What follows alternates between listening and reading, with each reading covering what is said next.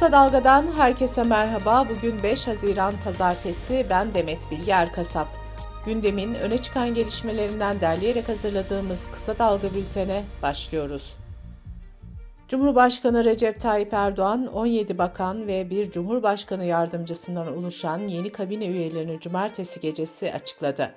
Erdoğan yeni kabinenin ilk toplantısını salı günü yapacağını belirterek 85 milyonun tamamını bağrımıza basacağız dedi. Gündemin en önemli konusu yeni kabineye giren isimler ve kabine dışında kalanlar oldu.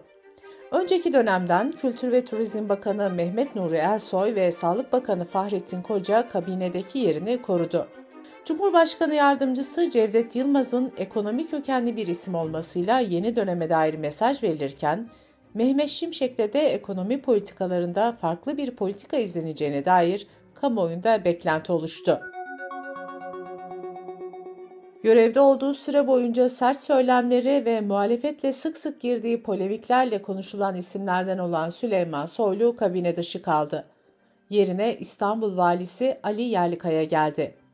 Cumhurbaşkanlığı kabinesinde en dikkat çeken atamalardan biri de Milli İstihbarat Teşkilatı Başkanı Hakan Fidan'ın Dışişleri Bakanlığı'na getirilmesi oldu. Yaklaşık 13 yıldır MIT'in başında olan Hakan Fidan için Erdoğan sır küpüm ifadesini kullanmıştı. Yeni kabinede tek kadın bakan ise Aile ve Sosyal Hizmetler Bakanı Mahinur Özdemir Göktaş oldu. 2019 yılında Cezayir Büyükelçisi olan ve bakan olarak atanmasına kadar bu görevi sürdüren Göktaş, Belçika doğumlu. Göktaş aynı zamanda İslam İşbirliği Teşkilatı Kadın Danışma Komisyonu üyeliği görevini de sürdürüyor. Adalet Bakanlığı'na atanan Yılmaz Tunç ise son olarak AKP Grup Başkan Vekili olarak görev yapıyordu. Adalet Komisyonu Başkanlığı görevinde de bulunan Tunç, yeni anayasa hazırlanması ve Cumhurbaşkanlığı sistemi üzerinde planlanan revizyon çalışmalarında da rol alacak. Yılmaz Tunç göreve geldikten sonra paylaştığı ilk mesajında yeni bir anayasayı, demokratik, sivil bir anayasayı milletimiz hak ediyor diyerek bu konuda çalışmalara başlayacağının sinyalini verdi. Yılmaz Tunç görevi Bekir Bozdağ'dan devralırken de yargı bağımsızlığını koruyacağız diye konuştu. Yeni bakanların atama kararları resmi gazetede dün yayınlandı ve yürürlüğe girdi. Bakanlar arasında da gün boyunca devir teslim törenleri yapıldı. Eski bakanlar koltuğu devrederken yeni bakanlar da yeni döneme ilişkin mesajlar verdi. Kabinenin en merak edilen isimlerinden biri Mehmet Şimşek'ti. Kulislere yansıdığı gibi Şimşek, Nurettin Nebati'nin yerine yeni Hazine ve Maliye Bakanı oldu. Görevi dün Nebati'den devralan Şimşek'in ilk mesajı şöyle oldu. Türkiye'nin rasyonel düzene dönme dışında seçeneği kalmamıştır. Makro finansal istikrarı önceliklendireceğiz. Vakit kaybetmeden orta vadeli program çalışmalarına başlayacağız. Bu arada Nurettin Nebati devir teslim töreni bittikten sonra oh dedi. Yeni Ticaret Bakanı Ömer Bolat da görevi Mehmet Muş'tan devraldı. Bolat da yeni ekonomi düzenine ilişkin şu mesajları verdi. Covid-19 salgını nedeniyle ticaret piyasasında oluşan bazı olumsuz etkileri, tortuları, aşırı fiyat artışlarını kaldırmaya odaklanacağız. Enflasyon oranında geriye gidişi daha da hızlandırıp fiyat istikrarını sağlamak önceliğimizdir.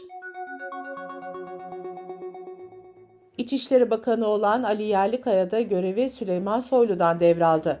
Yerlikaya, milletimizin her bir ferdi bize emanet biz milletimizin emrindeyiz ifadesini kullandı. Çevre, Şehircilik ve İklim Değişikliği Bakanı Mehmet Özsaseki de görevi törenle Murat Kurum'dan devraldı. Özsaseki törende yaptığı konuşmada depremi hatırlatarak doğru adımlar atarsak ülkemizi bu beladan kurtarırız dedi. Özsaseki, Maraş depremlerinden sonra çok tartışılan imar affının mimarlarından biri olarak anılıyor. Liselere geçiş sistemi merkezi sınavı dün yapıldı. 1 milyon 236 binden fazla adayın başvuru yaptığı sınav sorunsuz tamamlandı. Eğitim Sen Samsun Şube Başkanı Ersin Gür ise deprem travmasını yaşayan çocukların dezavantajlı bir şekilde merkezi sınavla değerlendirilmesinin doğru olmadığını söyledi.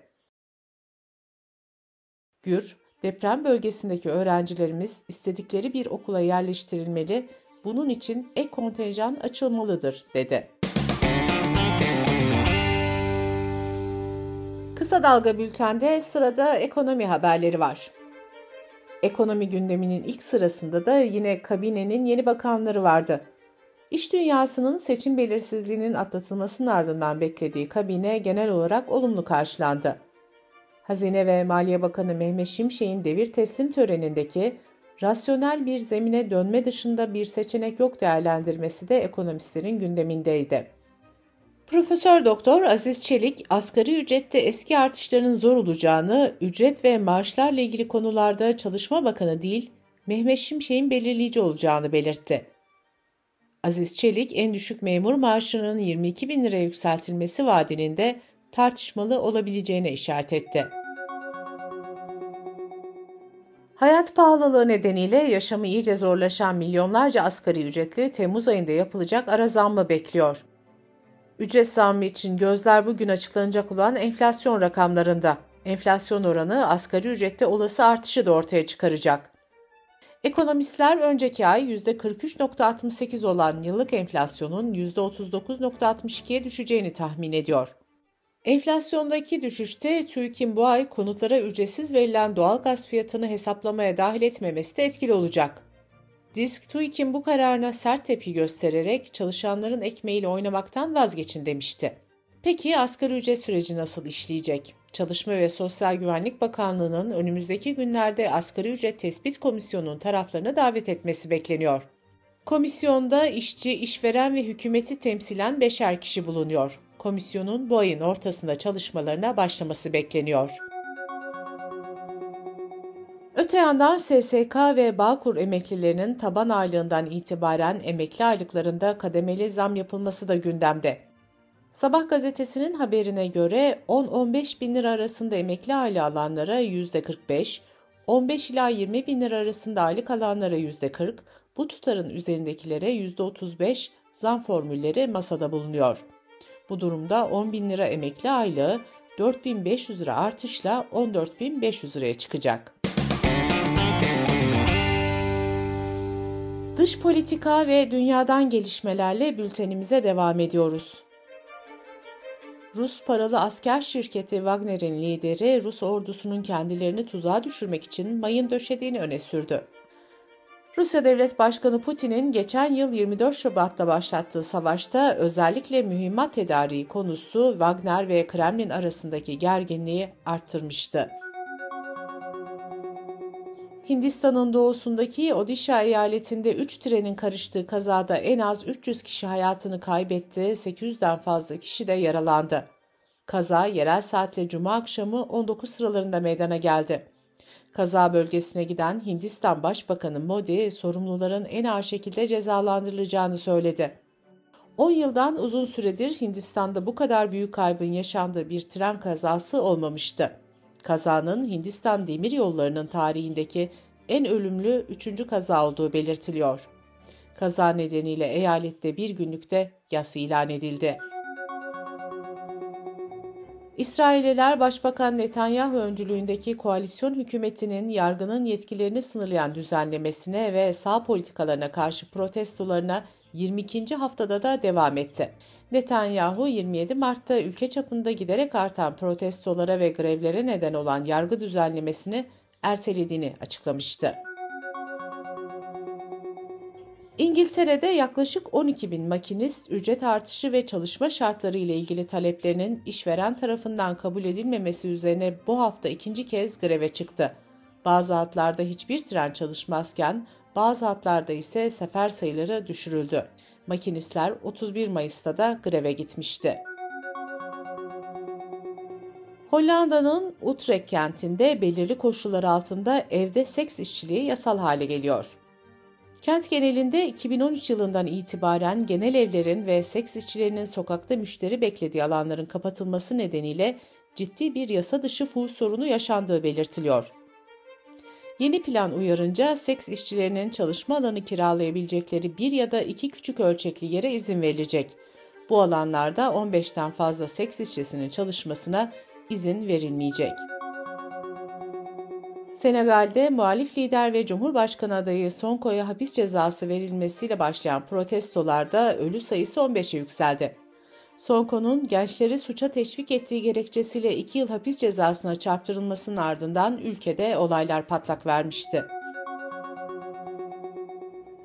Birleşmiş Milletler Eğitim, Bilim ve Kültür Örgütü UNESCO, plastik kirliliğini ortadan kaldırmaya başlayan uluslararası anlaşmanın taslağının Kasım 2023'e kadar hazırlanmasını kararlaştırdı.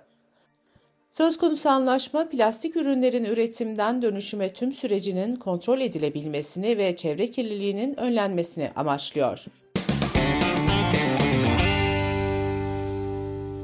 Bültenimizi kısa dalgadan bir öneriyle bitiriyoruz. Gazeteci Yeşim Özdemir'in Çağlar'ın büyük şairi Nazım Hikmet'i anlattığı podcast'ini kısa dalga.net adresimizden ve podcast platformlarından dinleyebilirsiniz. Gözünüz kulağınız bizde olsun. Kısa Dalga Medya.